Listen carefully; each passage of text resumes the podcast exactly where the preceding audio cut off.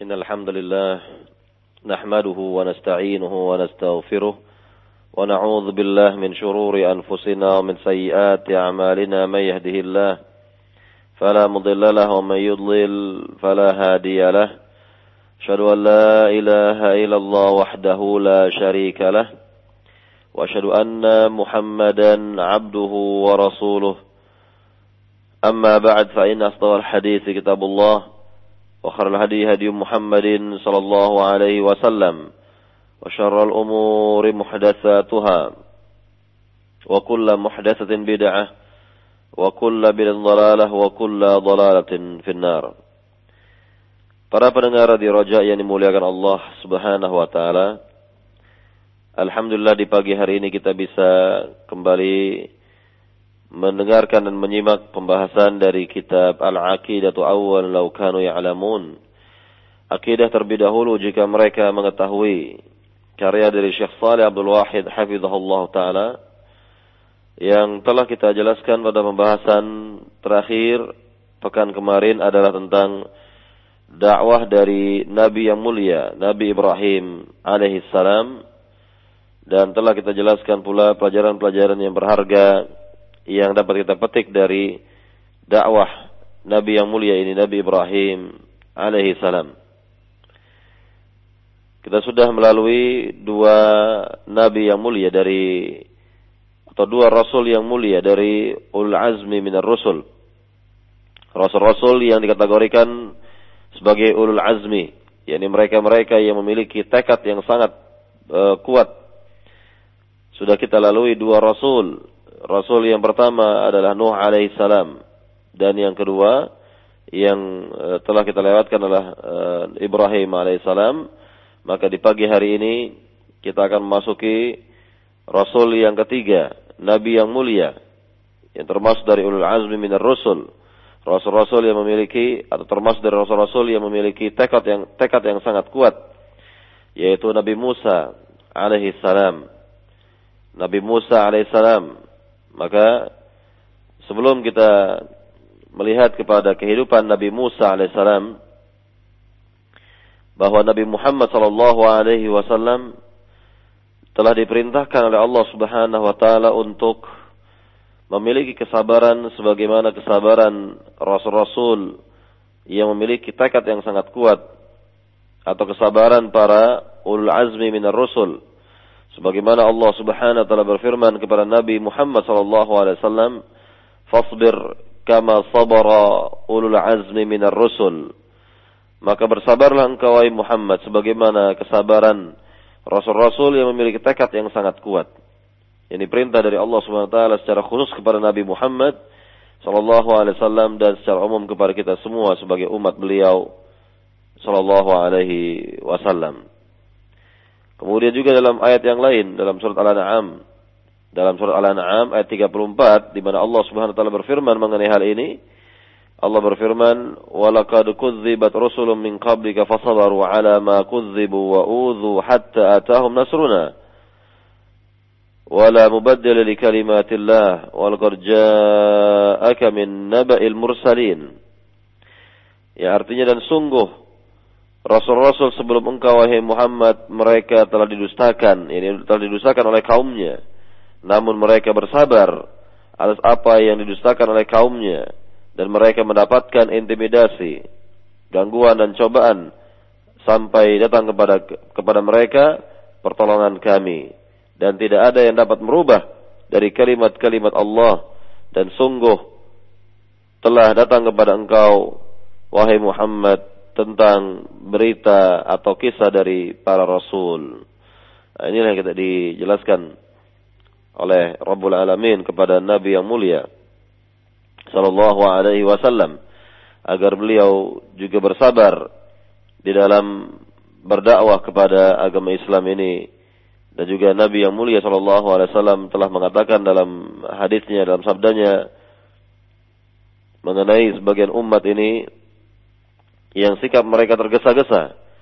Sikap mereka tergesa-gesa dalam berbagai hal. Sebagaimana Nabi katakan, walakinnakum tasta'jilun. Akan tetapi kalian adalah kaum yang tergesa-gesa. Para jamaah para pendengar di Raja yang dimuliakan Allah Subhanahu wa taala, inilah uh, yakni dalil uh, yang menjelaskan tentang uh, petunjuk dari Rabbul Alamin bahwa Nabi Muhammad saja harus mengikuti rasul-rasul sebelumnya. Bagaimana dakwah mereka, bagaimana perjuangan mereka, bagaimana mereka mendakwahkan atau menegakkan dakwah tauhid di tengah-tengah kaumnya. Maka inilah yang perlu kita fahami di sini bahwa apabila Nabi Muhammad sallallahu alaihi wasallam telah diperintahkan demikian, maka hal ini juga berlaku bagi umat beliau sallallahu alaihi wasallam bahwa umat Nabi Muhammad secara langsung juga diperintahkan agar bersabar dalam berdakwah ini dan tentunya dimulai dari dakwah tauhid terlebih dahulu kepada umat manusia sebelum yang lainnya. Para pendengar di Roja yang dimuliakan Allah Subhanahu wa taala, kita lanjutkan kembali pembahasan di pagi hari ini dan kita masuk kepada yakni rasul yang ketiga dari ulul azmi. Dari rasul-rasul yang yang memiliki tekad yang sangat kuat yaitu Nabi Musa alaihissalam kalimullah yakni nabi yang diajak bicara oleh Allah Subhanahu wa taala sebagaimana Allah katakan wa kallamallahu Musa taklima. Wa kallamallahu Musa taklima. Dan Allah mengajak bicara Musa alaihi salam. Yani Allah Subhanahu wa taala mengajak yani Nabi Musa alaihi salam e, berbincang-bincang dan ini adalah keutamaan yang dimiliki oleh nabi yang mulia ini Nabi Musa alaihi salam. Para pendengar di Roja yang dimuliakan Allah Subhanahu wa taala, ini sejenak kita lihat uh, tentang kehidupan uh, awal dari kehidupan Nabi Musa alaihissalam. Ya, ketika beliau lahir ke dunia ini, di mana Fir'aun yang kita kenal, yakni sezalim-zalim manusia, sezalim-zalim manusia, ia telah uh, mengeluarkan keputusannya, kebijaksanaannya, yaitu untuk membunuh anak laki-laki dari Bani Israel. Semua anak-anak yang lahir dari Bani Israel, anak laki-laki dari Bani Israel haruslah dibunuh menurut yakni perintah dari Firaun. Dalam hal ini kita lihat keterangan dari Syekh Saleh mengenai kelahiran Nabi Musa alaihissalam Beliau mengatakan, "Kana Fir'aun alaihi la'natullahi wa ala fara'inati dunya ila yaumil qiyamah kana yadhbah abna'a bani Israel al-dhukur وولد موسى في هذه الظروف وخافت أم موسى عليه خوفا شديدا ولكن انظروا يا عباد الله كيف يحفظ الله عباده وكيف يدافع الله عن عباده المؤمنين فأوحى الله إلى أم موسى أن أرضعيه فإذا خفت عليه فألقيه في اليم ولا تخافي ولا تحزني Fir'aun kata beliau, yani semoga Allah Subhanahu wa taala melaknat e, Fir'aun dan orang-orang yang semisalnya sampai uh, kehidupan akhirat bahwa Fir'aun di masanya telah membunuh anak laki-laki dari Bani Israel. Maka Nabi Musa alaihissalam lahir dalam keadaan seperti ini. Lihat keadaan yang luar biasa, keadaan yang sangat mencekam, keadaan yang sangat menakutkan di mana Firaun telah memerintahkan kepada prajuritnya untuk mengambil dan membunuh anak laki-laki yang lahir dari kalangan Bani Israel. Maka ini adalah ujian yang berat yang Allah berikan kepada eh, mereka, lebih khusus kepada ibunda Musa ibunya Nabi Musa alaihissalam di mana ia melahirkan bayi laki-laki dan dia sangatlah takut, sangatlah khawatir terhadap keselamatan anaknya ini. Maka inilah keadaan eh, yang e, nyata ketika itu di mana Nabi Musa alaihissalam lahir di tengah-tengah yakni kejaran tentara Firaun yang e, akan mengambil dan e, membunuh anak laki-laki yang baru lahir yang berasal dari kalangan Bani Israel. Maka dikatakan di takutlah yakni umum Musa. Umum Musa atau ibu ibunda Musa takut yakni takut luar biasa dengan keadaannya seperti ini karena ia melahirkan bayi laki-laki. Namun lihatlah wahai hamba Allah bagaimana Allah Subhanahu wa taala menjaga para hambanya. Menjaga para hambanya dan bagaimana Allah Subhanahu wa taala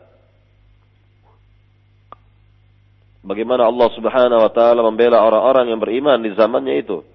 Maka Allah Subhanahu wa taala berikan petunjuk kepada ibunda Musa untuk uh, menyusui uh, bayi tersebut dan apabila ia merasa takut terhadap kejaran dari Firaun, maka Allah Subhanahu wa taala berikan petunjuk kepada ibunda Musa untuk menghanyutkan yakni bayi tersebut dan tidaklah ia merasa takut atau merasa bersedih dengannya karena Allah Subhanahu wa taala telah berjanji kepada ibunda Musa untuk mengembalikan Musa eh, kepada ke, dan eh, Nabi Musa alaihissalam kelak akan diasuh oleh ibunda beliau eh, dan ini merupakan keutamaan yang Allah berikan kepada hamba-hambanya kepada orang-orang salih, orang-orang yang bertakwa.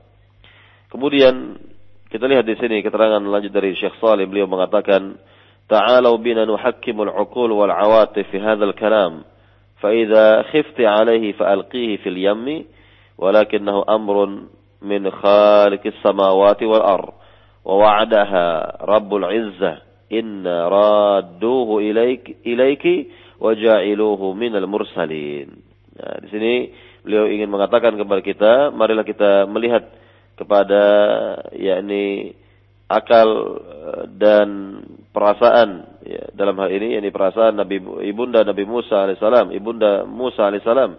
Maka yakni apabila uh, atau ketika Nabi ibunda Nabi Musa yakni takut dengan keadaannya ini maka Allah Subhanahu wa taala berikan eh, petunjuk kepadanya untuk menghanyutkan bayi tersebut di uh, Sungai Nil. Kemudian Jelas ini merupakan perintah dari Allah Subhanahu wa taala yang telah mencipta langit-langit dan bumi dan merupakan janji dari Allah Subhanahu wa taala adalah yakni mengembalikan bayi tersebut kepada pangkuan atau kepangkuan ibunda beliau, ibunda Nabi Musa alaihi salam. Dan kelak Allah Subhanahu wa taala akan menjadikan ia sebagai rasul atau nabi yang mulia. Maka ini adalah janji dari Allah Subhanahu wa taala. Nah, kita lihat di sini yakni Nabi Musa alaihissalam ternyata dibesarkan di lingkungan Fir'aun. Di lingkungan dari kerajaan Fir'aun.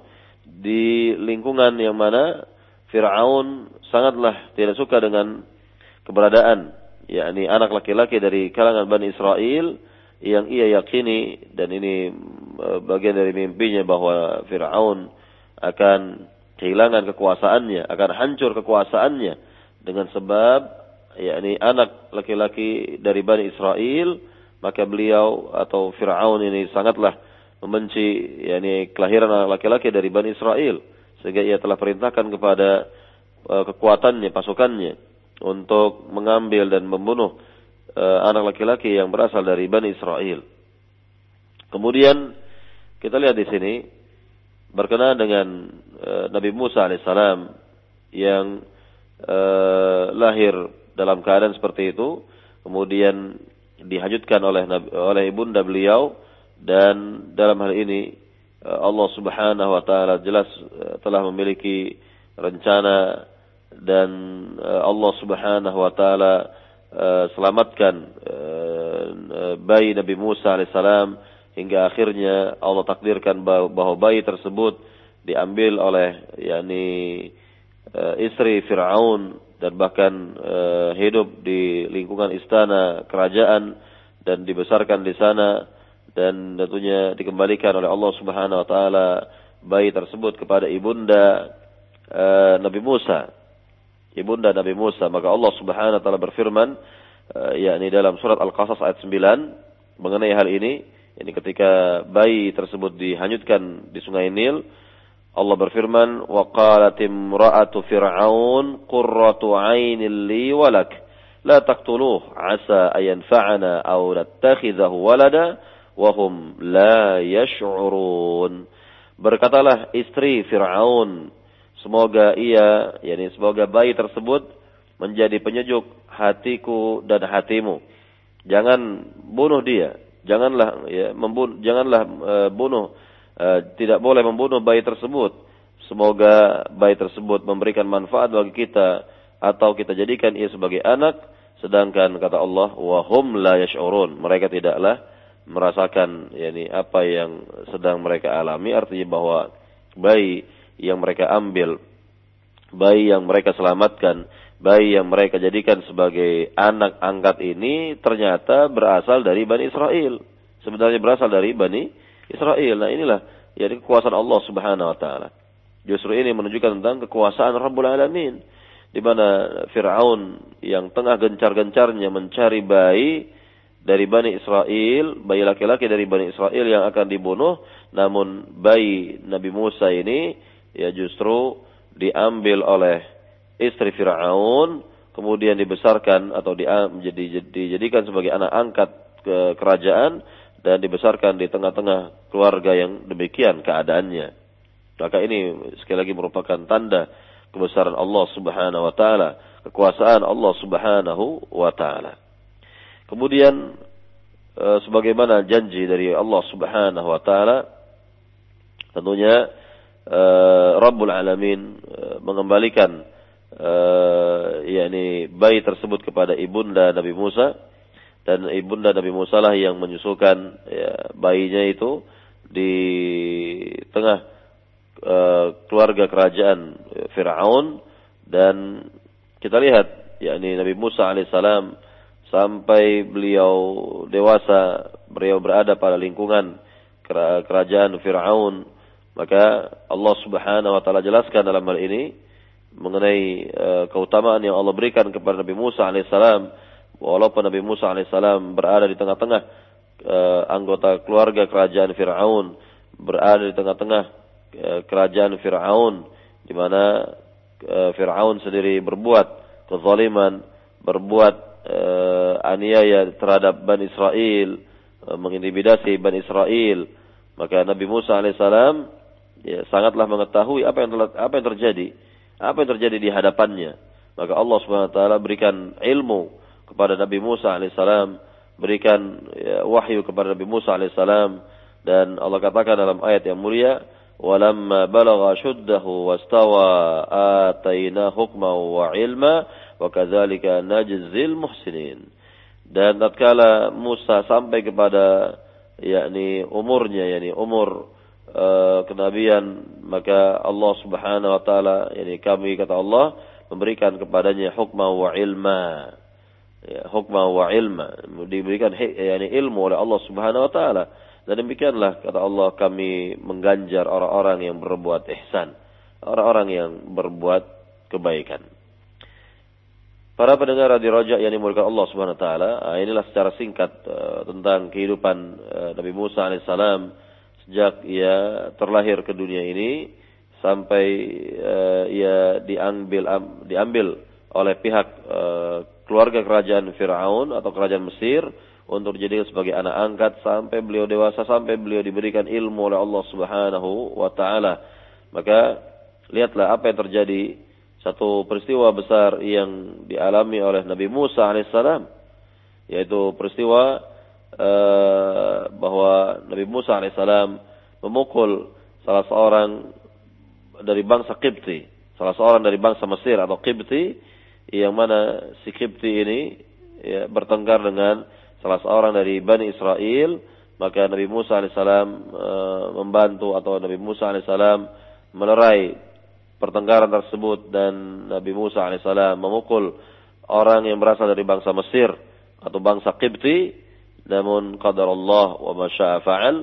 Ya Allah telah menakdirkan bahwa dengan pukulan Nabi Musa itu si Qibti ya, uh, yakni mati seketika dengan pukulan Nabi Musa alaihissalam. Maka kita lihat di sini keterangan dari Syekh Saleh. Beliau mengatakan, "Kharaja Musa alaihi salam yauman min bait Fir'aun fil Madinah." فوجد فيها رجلين يقتتلان هذا من شيعته وهذا من عدوه فاستغاثه الذي من شيعته على الذي من عدوه فوكزه موسى فقضى عليه المهم ندم موسى على ما صنع وتاب إلى الله وتاب الله عليه فأصبح موسى في المدينة خائفا يترقب والقوم يبحثون عن ليقتلوه ولكن جاء رجل من أقصى المدينة يسعى قال يا موسى إن الملأ يأتمرون بك يأتمرون بك ليقتلوك fakhruj inni laka minan nasihin. فخرج موسى من بلاد مصر وتوجه إلى بلاد مرين عبر الصحراء بالليل والنهار قال عسى ربي يهديني sawa'as sabil. Beliau mengatakan bahwa suatu ketika Nabi Musa alaihissalam keluar dari istana kerajaan Firaun menuju e, kota Mesir ketika itu dan ia melihat ada dua orang yang sedang bertengkar. Yang satu dari Bani Israel dan yang ya, orang yang kedua dari pihak uh, atau dari bangsa Mesir atau dari uh, Kibti. Kemudian orang yang berasal dari bangsa, uh, orang yang berasal dari Bani Israel ini meminta pertolongan kepada Nabi Musa alaihissalam. Kemudian Nabi Musa alaihissalam tentunya memukul orang yang berasal dari bangsa Mesir dan qadar Allah yani Allah menakdirkan ketika itu bahwa sekali pukul dengan pukulan Nabi Musa alaihissalam ini orang tersebut mati. Orang tersebut mati seketika dan tentunya Nabi Musa alaihissalam menyesal dengan perbuatannya dan ia bertaubat kepada Allah. Dan Allah terima taubat Nabi Musa alaihissalam. Kemudian Nabi Musa alaihissalam tentunya beliau berlindung dan e, mencari perlindungan sehingga beliau lari e, dari eh, orang-orang e, yang akan membunuhnya. Maka ini hal yang wajar. Ketakutan seperti ini adalah hal yang wajar karena e, yakni orang-orang Mesir telah bersepakat untuk membunuh Nabi Musa alaihissalam sehingga Nabi Musa alaihissalam keluar dari negeri Mesir yang sebelumnya ada petunjuk dari salah seorang yang memberikan nasihat kepada Nabi Musa dalam firman Allah SWT Orang ini berkata, "Qala ya Musa, innal mala'a ya'tamiruna bika liyaqtuluk, fakhruj inni laka minan nasihin." Berkatalah orang tersebut kepada Musa, "Wahai Musa, sungguhnya manusia telah bersepakat untuk membunuh dirimu, maka keluarlah dari negeri ini."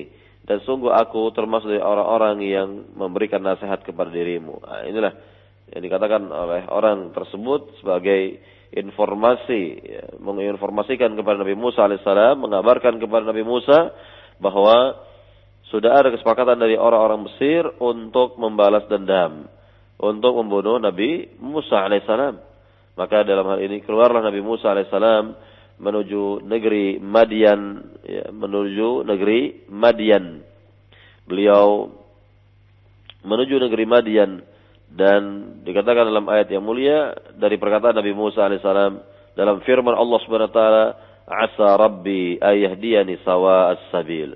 Semoga Tuhanku memberikan petunjuk kepadaku ya dengan petunjuk yang baik, yakni kepada jalan yang benar, jalan yang baik. Maka kita lihat di sini ketika Nabi Musa alaihissalam berada di negeri Madian, ya, negeri Madian, maka Allah Subhanahu wa taala tentu memberikan kebaikan-kebaikan kepada Nabi Musa alaihissalam. Maka di antaranya adalah hilang rasa takut beliau, hilangnya rasa takut beliau uh, yang mencekam ketika itu, uh, ketika uh, yakni tentunya karena beliau telah membunuh salah seorang dari bani, ya, salah seorang dari bangsa Mesir atau bangsa Qibti, maka Allah Subhanahu wa taala katakan ya yakni dalam hal ini ketika ia berjumpa dengan uh, yakni orang yang sudah lanjut usia atau yang termasuk dari orang-orang salih di zamannya maka orang ini berkata kepada Nabi Musa dalam firman Allah Subhanahu wa taala la takhaf najauta minal qamil zalimin. Janganlah engkau takut wahai Musa karena engkau telah selamat dari kaum yang zalim itu.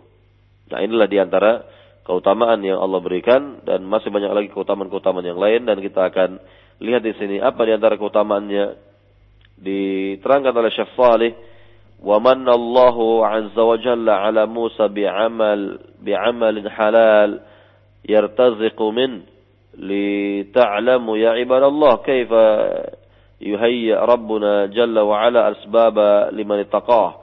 ولمن آمن به ومن عليه بالأمن والأمان ورزقه رزقا حلالا بعمل مشروع Beliau mengatakan bahwa Allah Subhanahu wa taala memberikan karunia memberikan keutamaan kepada Nabi Musa alaihissalam yaitu berupa pekerjaan yang halal. Ya, Nabi Musa alaihissalam justru ketika sampai ke negeri Madian, beliau mendapatkan pekerjaan yang halal, pekerjaan yang benar ya. Dan ini merupakan keutamaan yang Allah berikan kepada Nabi Musa alaihissalam dan ini sebagai tanda atau di antara sebab ketakwaan seorang hamba dan keimanan seorang hamba. Maka Allah Subhanahu wa taala berikan kepadanya rasa aman eh, dan Allah berikan rezeki kepadanya dengan rezeki yang halal, rezeki yang yang halal. Maka eh, kita lihat dalam surat Al-Qasas misalnya ayat 26 di mana salah seorang uh, anak perempuan dari orang tua yang salih yang berada di negeri Madian berkata, "Qalat ihdahum qalat ihdahuma ya abat istajirhu inna khaira man istajartal qawiyul amin." Berkata salah seorang anak perempuan eh, dari orang tua tersebut kepada Nabi Musa eh, kepada bapaknya ini, "Wahai bapakku, yakni e, berilah oh, ganjaran atau berilah balasan yang baik dan sungguhnya sebaik-baik orang yang e, engkau berikan balasan atau engkau berikan kebaikan itu adalah al-qawiyul amin. Ini orang yang kuat lagi dapat dipercaya. Orang yang kuat lagi dapat dipercaya.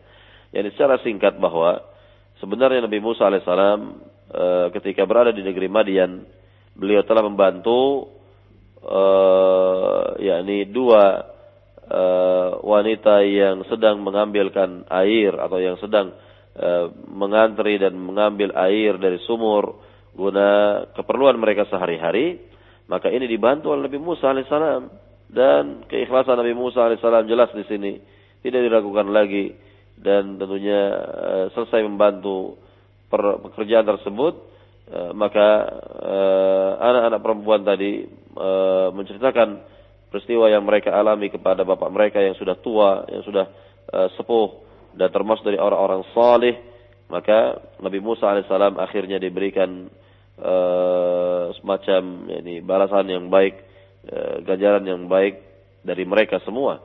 Maka inilah yang dikatakan oleh anak perempuan dari orang tua tersebut, qalat ihdahuma, qalat ihdahuma Ya abat istajirhu inna khaira man istajartal qawiyul amin.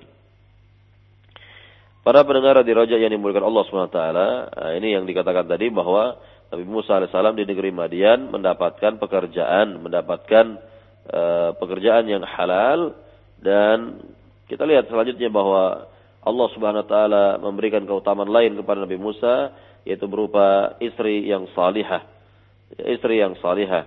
Maka berkatalah ya yakni orang tua uh, tersebut sebelum menikahkan anaknya kepada Nabi Musa alaihissalam dalam surat Al-Qasas ayat 27 Allah berfirman qala inni uridu an unkihaka ihda ibnatayya hataini ala an ta'jurani thamaniya hijaj fa in atmamta ashran fa min indik wa ma uridu an ashqa alaik satajiduni insyaallah minas salihin. Allah Subhanahu wa taala berfirman yang artinya dan berkatalah orang tua tersebut kepada Nabi Musa, sungguhnya aku ingin menikahkan salah satu dari dua uh, anak perempuanku ini ya kepadamu namun uh, engkau diharapkan dapat yakni mengembala Eh, hewan ternak kami selama kurang lebih delapan tahun. Nah, ini sebagai mahar yang ditawarkan oleh uh, yakni orang tua tersebut kepada Nabi Musa alaihissalam dan ia mengatakan dalam firman Allah ini fa in at fa in atmamta ashra fa min indik. Namun jika engkau menggenapkan menjadi sepuluh tahun, maka itu terserah bagi dirimu, yakni dikembalikan kepada dirimu, dan tidaklah aku menginginkan kesulitan bagi dirimu dan insya Allah engkau akan mendapatkan diriku termasuk dari orang-orang yang saleh.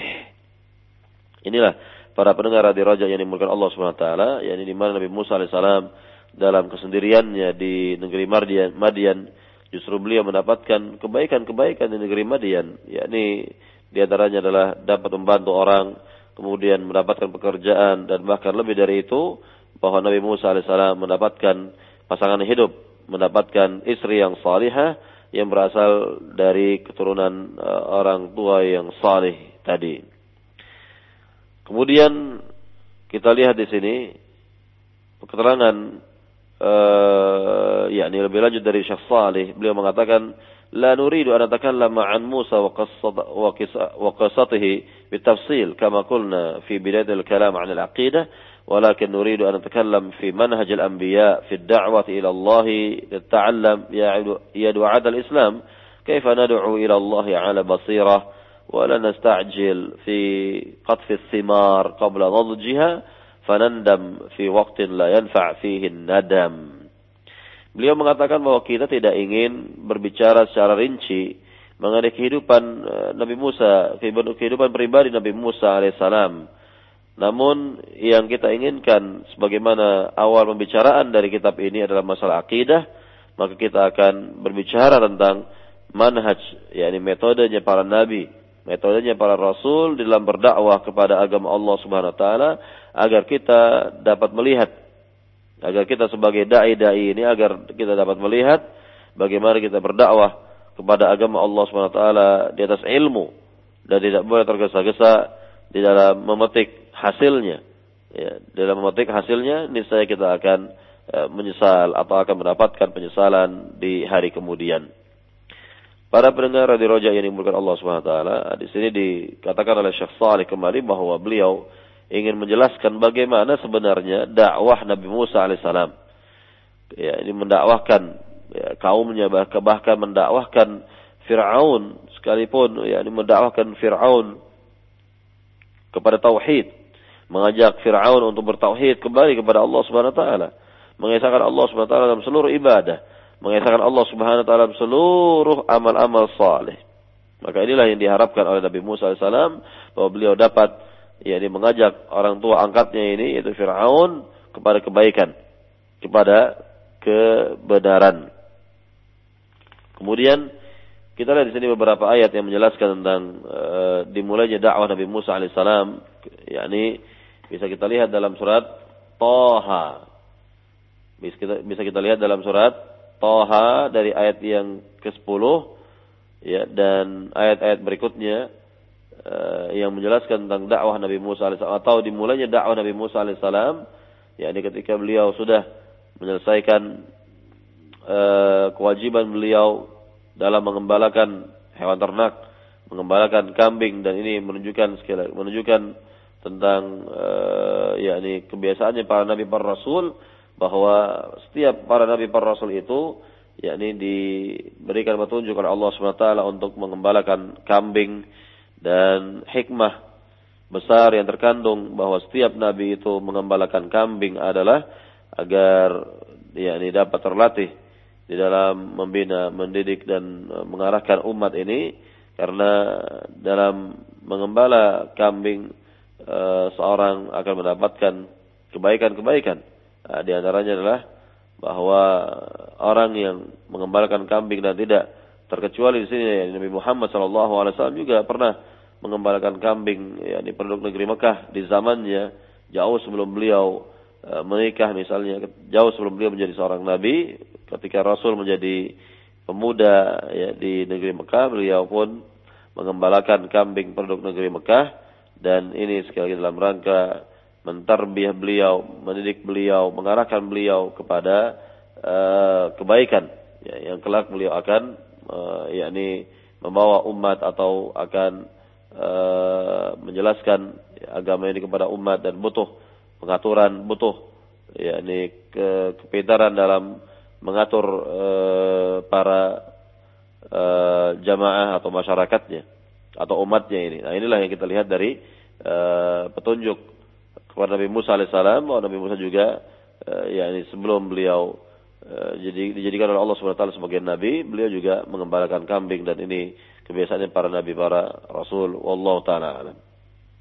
Maka kita lihat beberapa ayat yang tadi telah disyaratkan dalam surat Thaha ayat 10 dan beberapa ayat eh, setelahnya Allah berfirman idra'a naran faqala li ahlihi faqala li ahlihim kuthu inni anastu nara la'alli atikum minha biqabatin au ajidu 'alan nari huda. Ingatlah kata Allah SWT ketika kami perlihatkan api kepada Musa alaihissalam kepada Musa maka berkatalah Musa kepada istrinya tinggallah di sini maka aku akan melihat kepada api tersebut eh, mudah-mudahan aku dapat aku akan datang kepadamu membawa ini kabar yang baik satu hal yang baik atau aku akan mendapatkan petunjuk dari api tersebut Kemudian ayat yang berikutnya Allah berfirman, "Falamma atahanu dia ya Musa." Tatkala Musa mendekat kepada api tersebut, maka Nabi Musa mendengar ada suara suara ya mendengar suara ya inni ana inni ana rabbuk fakhla' na'laika innaka bil wadil muqaddas tuwa. Apa kata Allah di sini? Sungguhnya aku adalah Rabbmu, maka yakni lepaskanlah ya dua alas kakimu. Sungguhnya engkau berada di lembah yang suci. Ya sungguhnya engkau berada di lembah yang suci. Ya. kemudian dikatakan lagi oleh Allah wa ana ikhtartuka fastami' lima yuha. Dan aku telah memilih dirimu untuk menjadi seorang nabi. Maka dengarkanlah apa yang diwahyukan kepada dirimu inni ana Allah la ilaha illa ana fa'budni wa aqimis salata li dzikri Sungguhnya aku adalah Allah. Tidak ada ilah yang berhak disembah dengan benar kecuali diriku. Maka ibadahilah diriku. Dan tegakkanlah salat untuk mengingat diriku. Ya, inilah yang kita lihat di sini tentang uh, peletakan dasar dakwah tauhid oleh Allah Subhanahu wa taala di hadapan nabi yang mulia Nabi Musa alaihi salam. Ya, nabi Musa alaihi salam. Maka dalam ayat yang mulia ini kita bisa melihat bahwa sebenarnya dakwah para nabi para rasul adalah sama. Dakwah semua para nabi para rasul adalah sama yaitu mengajak mereka semua kepada tauhid agar mereka uh, ya beribadah hanya kepada Allah dan menjauhkan semua perbuatan-perbuatan syirik, ya, semua perbuatan-perbuatan syirik. Ya, jadi sekali lagi dalam ayat yang mulia tadi, ayat yang ke-14 Allah SWT menegaskan tentang dakwah Nabi Musa Yang sebelumnya Allah Subhanahu wa taala katakan di sini, "Innani anallahu la ilaha illa ana fa'budni wa aqimis salata li dzikri." Sungguhnya aku adalah Allah kata Allah. Sungguhnya aku adalah Allah. Tidak ada ilah, ya, tidak ada sembahan yang berhak disembah dengan benar kecuali diriku, maka sembahlah diriku dan tegakkanlah atau dirikanlah ibadah salat untuk mengingat diriku. Nah, di sini juga dijelaskan tentang perintah salat ya, kepada Nabi Musa alaihissalam. Jadi salat ini yakni perintah pertama dari Allah Subhanahu wa taala setelah orang bertauhid kepada Allah Subhanahu wa taala. Dan ini pun sama yakni dengan dakwah uh, Nabi Muhammad sallallahu alaihi wasallam ya tatkala misalnya Nabi mengutus sahabat Muaz bin Yaman uh, Muaz ke negeri Yaman ya, uh, uh, sekali lagi Muaz bin Jabal ke negeri Yaman untuk mendakwahkan orang-orang Yahudi dan Nasrani agar mereka masuk kepada agama Islam, maka apa kata Nabi kepada sahabatnya kepada sahabat yang mulia ini, Muad bin Jabal, ini Nabi katakan kepada sahabatnya ini, "Awwalu tad'uuhum ilaihi syahada an la ilaha illallah, fa inhum ajabuka lidzalik fa'alimhum anna Allah qad iftarada alaihim khams salawatin fil yawmi wal lailah." Kata Nabi kepada sahabat Muaz, hendaknya materi dakwah yang pertama kali yang kau sampaikan kepada mereka adalah tauhid. Kalimat la ilaha illallah. Dan jika mereka mau menerima dakwahmu itu bertauhid kepada Allah, masuk kepada agama Islam, bertauhid kepada Allah, maka kabarkanlah kepada mereka bahwa amalan yang pertama kali yang mereka lakukan adalah yakni salat. yakni agar mereka mengerjakan ibadah salat lima waktu sehari semalam. Nah inilah yang kita lihat dari dakwah Nabi Musa ada kesamaan dengan dakwah Nabi Muhammad sallallahu alaihi wasallam yang intinya semuanya sama-sama beribadah kepada Rabbul Alamin Allah Subhanahu wa taala dan eh, kesamaan dakwah para nabi ini ditegaskan oleh Rasulullah wasallam dalam hadisnya inna ma'syaral anbiya ikhwah li'allat ummahatuhum syatta wa dinuhum wahid kata beliau sallallahu alaihi wasallam sungguhnya kami para nabi ini bersaudara Walaupun ibunda-ibunda kami berbeda-beda, namun ajaran kami sama, kata Nabi Muhammad. Ajaran kami sama. Tidak ada bedanya antara nabi yang satu dengan nabi yang lain. Karena semua ajaran para nabi berasal dari Rabbul Alamin. Berasal dari Allah subhanahu wa ta'ala sang mencipta. Yang menguasai langit dan bumi. Ya, dan inilah ya keseragaman dari dakwah para nabi para rasul. Semuanya sama-sama mengajak manusia kepada tauhid, kepada akidah yang benar. Dan ini sebagai dasar dan pondasi dalam kehidupan seorang hamba ketika hidup di dunia ini. Dan Allah SWT tegaskan mengenai kesamaan dakwah para nabi para rasul dalam surat yakni An-Nahl 36 Allah berfirman walaqad ba'atsna fi kulli ummatin rasulan an i'budullaha wajtanibu taghut. Ya artinya dan sungguh kami telah mengutus pada setiap umat seorang rasul apa tugasnya apa yang diserukan an i'budullaha wajtanibu taghut. Yani hendaknya kalian hanya menyembah Allah semata dan menjauhi semua perbuatan syirik. Semua ibadah kepada selain Allah Subhanahu wa taala. Para pendengar di Rajak yang dimuliakan Allah Subhanahu wa taala, ini yang kita lihat dari dakwah Nabi Musa alaihissalam tentunya dakwah Nabi Musa alaihissalam ini e, mendapatkan yakni mendapatkan ya, penguatan dari Allah Subhanahu wa taala atau risalah yang dibawa oleh Nabi Musa ini mendapatkan yakni pembenaran dari Rabbul Alamin yaitu berupa mukjizat yang Allah berikan kepada Nabi Musa alaihi salam. Maka mengenai mukjizat ini bisa kita lihat keterangan dari Rabbul Alamin langsung dalam surat Taha dalam surat Taha ayat 19 dimulai dari ayat 19 maka Allah berfirman kepada Nabi Musa qala alqiha ya Musa fa alqaha fa idza hiya tas'a قال khudha ولا la سنعيدها سيرتها الأولى al-ula إلى جناحك ila janahik من غير سوء آية أخرى ayatan من linuriyahu الكبرى اذهب al-kubra idhab ila fir'auna sekali lagi dalam surat Taha ayat 19 sampai 24 di mana Allah Subhanahu wa taala jelaskan mengenai yakni uh, eh, mukjizat Nabi Musa alaihissalam itu berupa tongkat yang dapat berubah menjadi ular ataupun uh, mujizat lainnya. Ya, Allah berfirman dalam surat Taha ayat 19, yakni Allah berfirman kepada Nabi Musa, "Leni lemparkanlah wahai Musa kayu tersebut." Ya. Maka Nabi Musa melemparkannya, maka tiba-tiba kayu tersebut menjadi ular yang besar yang hidup dan inilah mukjizat Nabi Musa alaihissalam dan Allah katakan lagi kepada Nabi Musa Allah berfirman kepada Nabi Musa, "Khudhha wa la takhaf." Ambillah yakni uh, kayu tersebut atau ambillah ya, ular tersebut ya yang niscaya akan menjadi uh, kayu kembali dan janganlah engkau takut dalam hal ini bahwa kami akan uh, mengembalikan ya permasalahan ini kepada yang sebenarnya dan letakkanlah atau masukkanlah tanganmu ke dalam yakni bajumu atau pakaianmu niscaya akan keluar ya bersinar tanpa ada uh, hal yang meragukan sebagai tanda kebesaran Allah Subhanahu wa taala. Demikianlah yakni kata Allah kami perlihatkan kepada engkau wahai Muhammad dari tanda-tanda kebesaran kami dan pergilah engkau kepada Firaun. Sungguhnya Firaun telah melampaui batas. Nah ini yang kita lihat ya di antara mukjizat yang Allah berikan kepada Nabi Musa dalam rangka penguatan dan pembenaran risalah yang dibawa oleh Nabi Musa alaihi salam. Ya.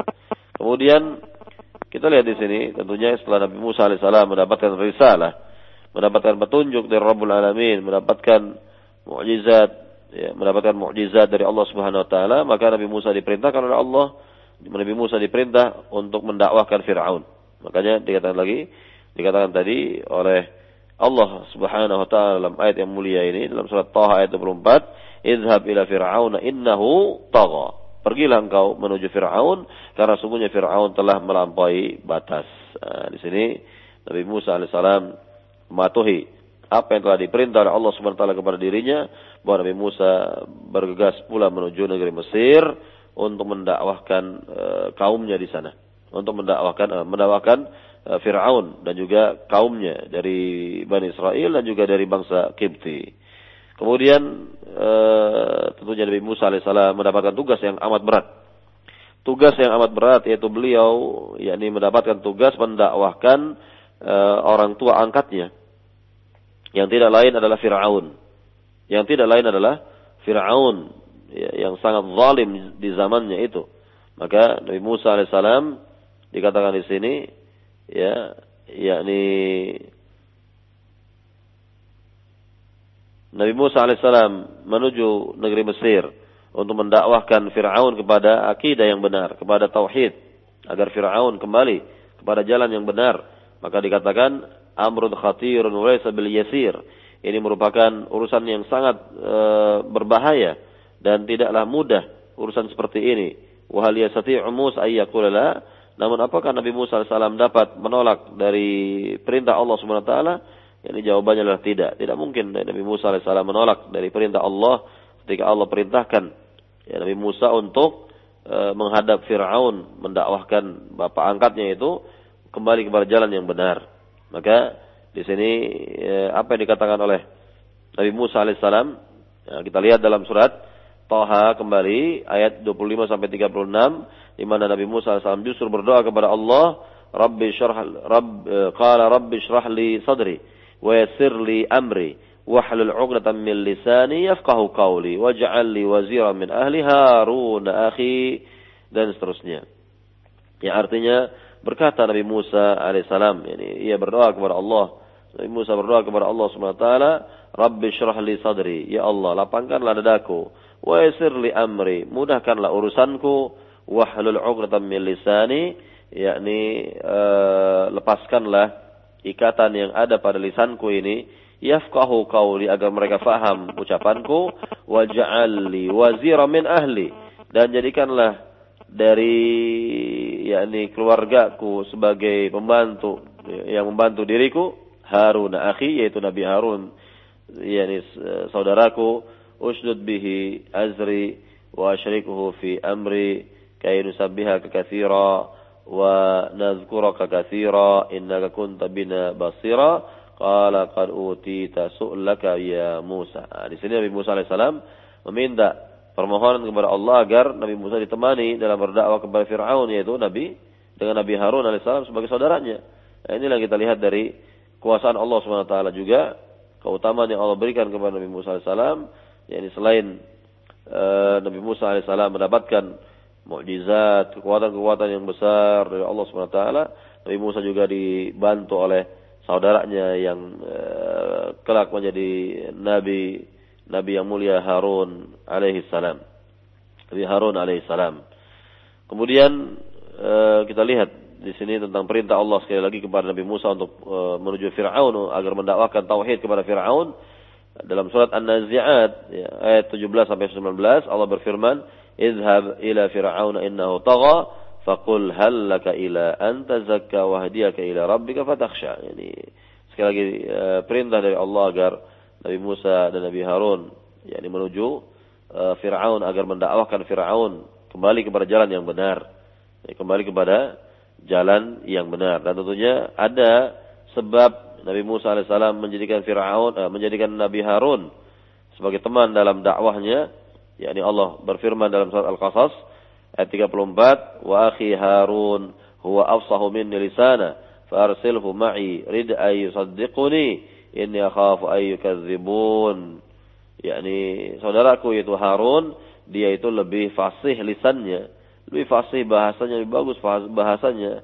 Maka utuslah dia bersama diriku untuk mendakwahkan yakni Firaun karena aku khawatir kalau mereka itu e, mendustakan diriku. Nah, inilah yang kita lihat dari e, dakwah atau perjalanan dakwah Nabi Musa alaihissalam yang akan mendakwahkan yakni bapak angkatnya sendiri yaitu Firaun dan tentunya di sini bisa kita ambil pelajaran yang berharga bahwa Nabi Musa walaupun memiliki bapak angkat yang sangat-sangat zalim di zamannya tetap beliau berusaha berupaya mendakwahkan bapak angkatnya ini dengan cara yang baik dengan ucapan-ucapan yang lemah lembut, dengan cara-cara yang yang santun yang baik eh, agar Firaun menjadi takut atau eh, yakni ya takut kepada Allah Subhanahu wa taala, ingat kepada Allah Subhanahu wa taala.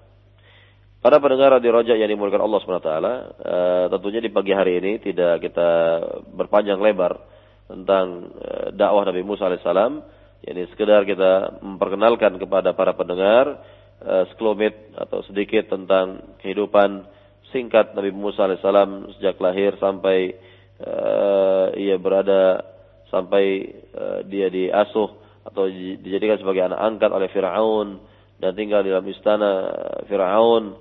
Dan tentunya ini merupakan bagian dari uh, keutamaan yang Allah berikan kepada Nabi Musa alaihissalam, kebaikan-kebaikan yang Allah berikan kepadanya.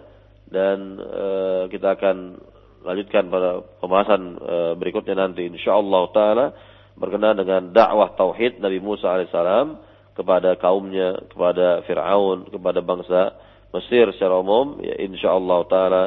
Dan silakan jika ada pertanyaan dari para pendengar berkaitan dengan apa yang telah dijelaskan secara singkat di pagi hari ini dari mukaddimah atau dari pembukaan uh, tentang dakwah Nabi yang mulia, Rasul yang mulia uh, Nabi Musa alaihi salam. Maka sekali lagi uh, pertanyaan terkait dengan materi di pagi hari ini tidak keluar dari apa yang dijelaskan atau terkait sekali lagi dengan apa yang dibahas di pagi hari ini. Silakan kepada pembawa acara.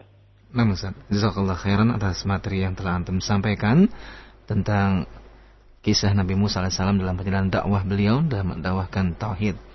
Untuk yang pertama Ustaz kita akan angkat satu pertanyaan dari pesan singkat. Ustaz kami pernah membaca satu buku atau kisah yang menjelaskan kisah Nabi Musa alaihissalam di mana bahwasanya nama Nabi Musa itu diberikan oleh keluarga Firaun yang artinya adalah air dan pohon di mana artimu adalah air dan sa adalah pohon sesuai dengan tempat ditemukannya Nabi Musa alaihissalam apakah memang benar Ustaz? Mohon Ustaz berikan penjelasan. Uh, Wallah ta'ala alam berkenaan dengan uh, pemberian nama tersebut uh, yang jelas bahwa uh, nama ini tidaklah begitu penting pada dasarnya Artinya kalau kita lihat dari dakwah beliau, maka isi dari dakwah itulah yang sangat penting yang uh, perlu kita fahami dan kita amalkan dalam kehidupan sehari-hari. Ya, untuk hal ini bisa dicek kembali uh, atau ditanyakan kembali kepada mereka yang mengetahuinya dan tentunya hal ini memerlukan dalil yang pasti dikarenakan ya hal ini bagian dari perkara gaib yang tidaklah diketahui oleh manusia kecuali dengan dasar yang kuat uh, yaitu yang berasal dari Al-Qur'an ataupun dari hadis Nabi yang mulia sallallahu alaihi wasallam yang jelas bahwa Nabi Musa alaihissalam hidup di lingkungan kerajaan Firaun di zamannya itu di mana orang-orang Mesir disebut sebagai bangsa Kipti ya, disebut sebagai bangsa Kipti ya, bangsa Kipti ya, jadi sekali lagi orang-orang Mesir itu disebut sebagai bangsa Kibti, ya Kibti di mana mereka memiliki bahasa tersendiri dan mereka bukan berasal dari bangsa Arab pada pada dasarnya.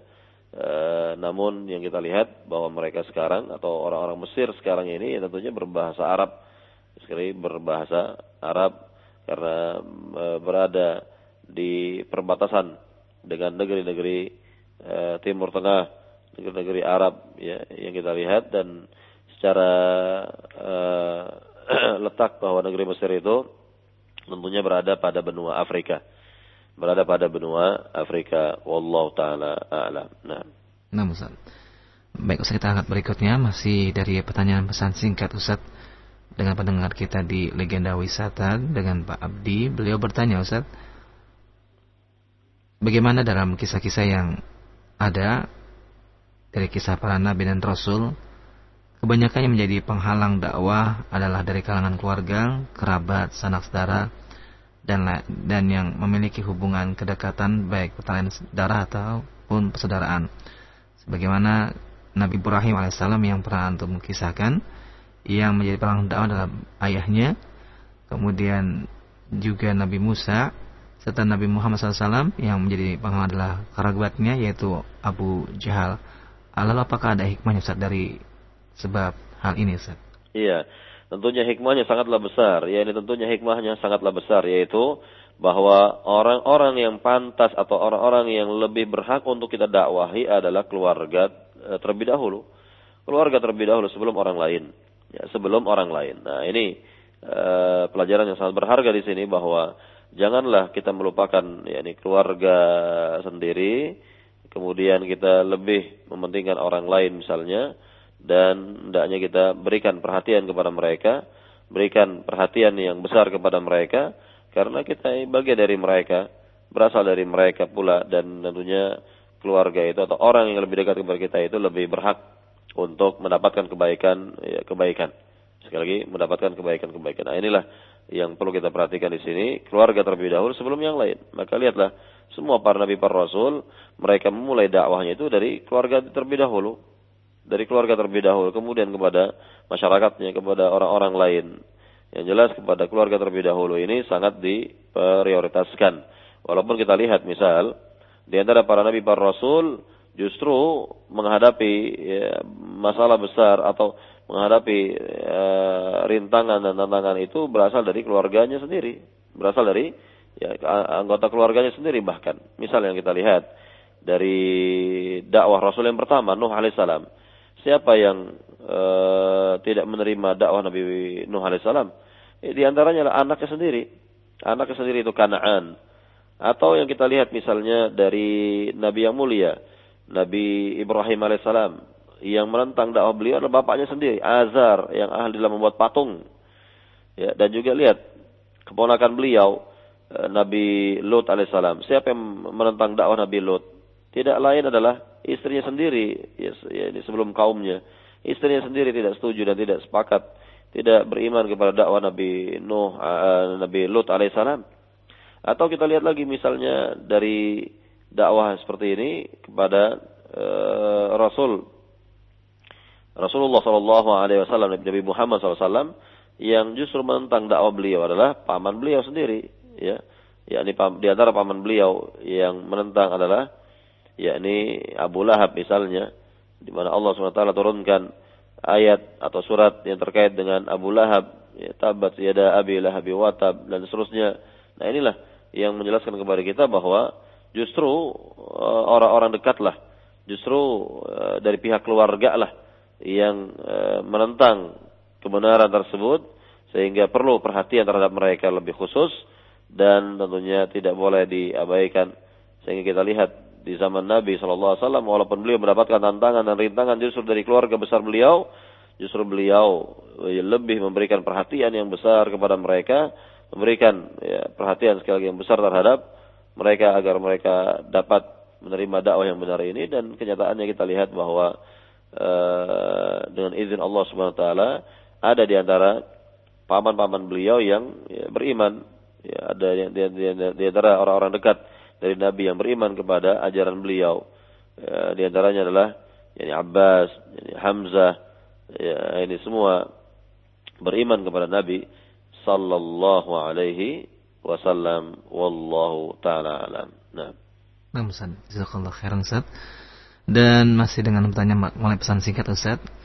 Ustaz apakah benar bahwasanya Nabi Musa alaihissalam adalah bukanlah orang yang sabar sebagaimana kisah ketika beliau mendampingi Nabi Khidir dan ketika itu Nabi Khidir pun berkata bahwasanya saat berpisah antara engkau dan aku karena engkau tidak sabar apakah memang benar bahwa Nabi Musa AS adalah orang yang kurang sabar Ustaz? Manusia memberikan penjelasan. Ya, di awal pembahasan sudah kita jelaskan mengenai keadaan rasul-rasul yang memiliki tekad yang sangat kuat atau yang disebut dengan ulul azmi minar rasul dan keutamaan yang mereka miliki adalah kesabaran yang luar biasa.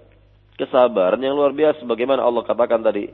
Allah uh, berfirman dalam ayat yang mulia, fasbir kama sabarul azmi minar rusul. Bersabarlah engkau Muhammad sebagaimana kesabarannya rasul-rasul yang memiliki tekad yang sangat kuat. Nah, di antaranya adalah Nabi Musa alaihissalam. Atau Allah Subhanahu wa taala berfirman mengenai kesabaran para nabi ini, "Walaqad kudzibat rusulun min qablika fasabaru 'ala ma kudzibu wa udzu hatta atama nasruna." Dan seterusnya. Jadi ini menunjukkan tentang kesabaran yang dimiliki oleh para nabi para rasul tersebut. Dan tentunya apa yang dialami oleh Nabi Musa ketika belajar dengan Nabi Khidir alaihissalam, maka ini adalah tentunya berkaitan dengan tabiat manusia. Sekali lagi berkaitan dengan tabiat manusia bahwa Nabi Musa alaihissalam yang mendapatkan ilmu yang luar biasa di luar dari jangkauannya, di luar dari akal sehatnya, di luar dari perasaannya dan seterusnya, Maka ini tabiat manusia dan ini hal yang wajar kalau Nabi Musa alaihissalam bertanya dan bertanya kepada Nabi Khidir. Ya, di antaranya misal kenapa kok uh, Khidir atau Nabi Khidir melubangi perahu uh, nelayan tentunya atau bahkan lebih besar dari itu membunuh anak kecil dan yang lebih besarnya lagi ketika mereka sudah sangat lapar justru Nabi Khidir meruntuhkan bangunan yang hampir runtuh dan membangun kembali dari awal. Nah, ini justru hal yang bertentangan dengan akal uh, Nabi Musa alaihissalam tidak dapat diterima oleh akal Nabi Musa alaihissalam sehingga hal yang wajar dan saya katakan ini merupakan tabiat manusia bahwa beliau bertanya kenapa seperti ini? Kenapa seperti ini? Dan ini sekali lagi bukanlah menunjukkan bahwa beliau ini tidaklah sabar. Tetap kita katakan bahwa Nabi Musa dalam melaksanakan syariat agama Nabi Musa dalam berdakwah Nabi Musa dalam hal-hal ya, yang kita lihat dalam kehidupannya sangatlah bersabar lihat. Yakni Nabi Musa alaihissalam sanggup memberikan mahar kepada uh, pihak uh, yakni keluarga perempuan yaitu berupa uh, mengembala hewan ternak atau mengembalakan kambing selama 8 tahun bahkan 10 tahun. Lihat kesabaran yang luar biasa. Kesabaran apa lagi yang seperti ini? Ya yakni mengembalakan hewan ternak selama 10 tahun. Dan jelas ini merupakan ya ini kesabaran uh, yang luar biasa yang kita lihat dari Nabi Musa uh, alaihi salam. Yang jelas bahwa ketika Nabi Musa berguru atau bertanya atau berguru kepada Nabi Khidir dan tentunya ini semua di luar dari uh, yakni uh, akal kita dan tentunya apabila kita juga ya kalau kita juga uh, ditakdirkan oleh Allah Subhanahu wa taala misalnya Eh, belajar seperti ini, contohnya seperti Nabi Musa kepada Nabi Khidir, tentunya kita lebih-lebih lagi. Kita lebih-lebih lagi akan bertanya dan bertanya lebih banyak lagi. Nah inilah yang kita lihat. Ya inilah yang kita lihat dan tentunya bisa kita ambil juga pelajaran di sini bahwa masing-masing nabi itu diberi keutamaan oleh Allah Subhanahu wa taala. Ya ini dalam ilmu syariat, ilmu agama tentu Nabi Musa lebih utama. Kemudian dalam masalah perkara-perkara gaib tentu Nabi Khidir lebih utama di sini. Artinya masing-masing diberi keutamaan oleh Allah Subhanahu wa taala dan uh, tentunya uh, tidak boleh kita mencela atau kita merendahkan uh, salah satu di antara mereka ya karena sudah Allah berikan keutamaan masing-masing, sudah Allah berikan kelebihan masing-masing kepada mereka sehingga itulah yang didapat oleh mereka dari Rabbul Alamin dari Allah Subhanahu wa taala dan tinggal kita mengambil pelajaran-pelajaran berharga dari apa yang dialami oleh dua nabi yang mulia ini yaitu Nabi Musa dan Nabi Khidir alaihi wassalam. Wallahu taala alam. Barangkali satu pertanyaan terakhir kalau masih ada. Nah, Ustaz. Baik. Satu pertanyaan terakhir dari pesan singkat kembali Ustaz. Ustaz di dalam surat Al-Isra ayat 11 dijelaskan tentang sembilan mukjizat yang Allah berikan kepada Nabi Musa alaihissalam. Sedangkan yang yang sering kami dengar bahwasanya mukjizat Nabi Musa alaihissalam itu hanya beberapa saja di antara adalah itu tongkat yang berubah menjadi ular dan kemudian Nabi Musa yang telah, yang mampu membelah lautan. Lalu apa lagi satu dari tujuh dari sembilan mujizat tersebut yang lainnya Ustaz? Yakni setiap para nabi atau rasul diberikan mukjizat oleh Allah Subhanahu wa taala tentunya dalam rangka pembenaran dan uh, penguatan dakwah tersebut. Ya, Allah ingin menguatkan dakwah mereka. Allah ingin e, membenarkan dakwah mereka sehingga perlu adanya mukjizat, yakni tanda-tanda kebesaran Allah Subhanahu wa taala. Dan di antara mukjizat yang Allah berikan kepada Nabi Musa itu banyak. Ya, di antaranya dari tongkat saja misalnya, tongkatnya bisa berubah menjadi ular. Dari tongkatnya itu dengan e, pukulan Nabi Musa ke laut, maka laut terbelah. Dan dengan pukulan lagi, pukulan yang keduanya, pukulan yang kedua dari tongkat tersebut yakni laut kembali menjadi menyatu lagi. Kemudian eh, ketika Nabi Musa memukulkan tongkat ke batu, maka batu itu memancarkan air, memancarkan air yang yang mana air tersebut dapat diminum ya oleh Bani Israel, dapat diminum oleh Bani Israel ini dengan pukulan tongkat Nabi Musa alaihissalam. Jadi e, tongkat tersebut sangat e, banyak manfaatnya, banyak e, faedahnya dan di antaranya adalah mukjizat ya, yang uh, Allah berikan kepada Nabi Musa lewat tongkat tersebut. Ya, dengan tongkat tersebut juga bisa uh, beliau bersandar, uh, beliau menghalau hewan ternak dan lain sebagainya. Ini fungsi tongkat ini banyak sekali. Dan inilah uh, maka di antara ahli ilmu ada yang uh, menulis karya ilmiah uh, untuk memberikan atau mengeluarkan eh, pelajaran-pelajaran yang berharga dari tongkat saja, dari tongkat itu, dari tongkat ya, tongkat Nabi Musa alaihissalam. Maka ini satu hal yang eh, yang luar biasa dan tentunya uh, masih banyak lagi keutamaan dan uh, mukjizat Nabi Musa seperti tangan beliau. Apa beliau apabila tangan tangan kanan beliau dimasukkan ke baju beliau ya maka ketika dikeluarkan akan bersinar ya akan bersinar ya sekali lagi akan bersinar. Dan yang lain yang lainnya yakni e, kebesaran yang Allah berikan keutamaan yang Allah berikan kepada Nabi Musa alaihissalam berupa mukjizat. Tentunya mukjizat-mukjizat tersebut sudah tidak ada lagi dan semuanya itu berakhir tentunya dengan wafatnya Nabi Musa e, alaihissalam dan tentunya tidak ada mukjizat para nabi para rasul yang abadi kecuali mukjizat Nabi Muhammad yang terbesar yaitu Al-Qur'an Al-Karim di mana Al-Qur'an Al-Karim sekali lagi merupakan mukjizat terbesar Nabi Muhammad SAW dan ia sampai sekarang tetap eksis, tetap ada dan tetap terpelihara dipelihara oleh Allah Subhanahu wa taala terjaga dari eh, tangan-tangan uh, uh, usil manusia ya dan uh, Al-Quran Al-Karim ya, dibaca oleh kaum muslimin, bahkan dihafalkan oleh uh, sebagian kaum muslimin dan ini merupakan tanda kebesaran Allah Subhanahu wa taala. Allah memperlihatkan mukjizat ya, terbesar Nabi Muhammad sallallahu alaihi wasallam itu berupa Al-Qur'an Al-Karim dan akan berada sampai akhir zaman. Ya, dan Allah lah yang akan menjaga mukjizat terbesar Nabi Muhammad ini yaitu Al-Qur'an Al-Karim sebagaimana Allah berfirman, "Inna nahnu nazzalna dzikra wa inna lahu lahafizun."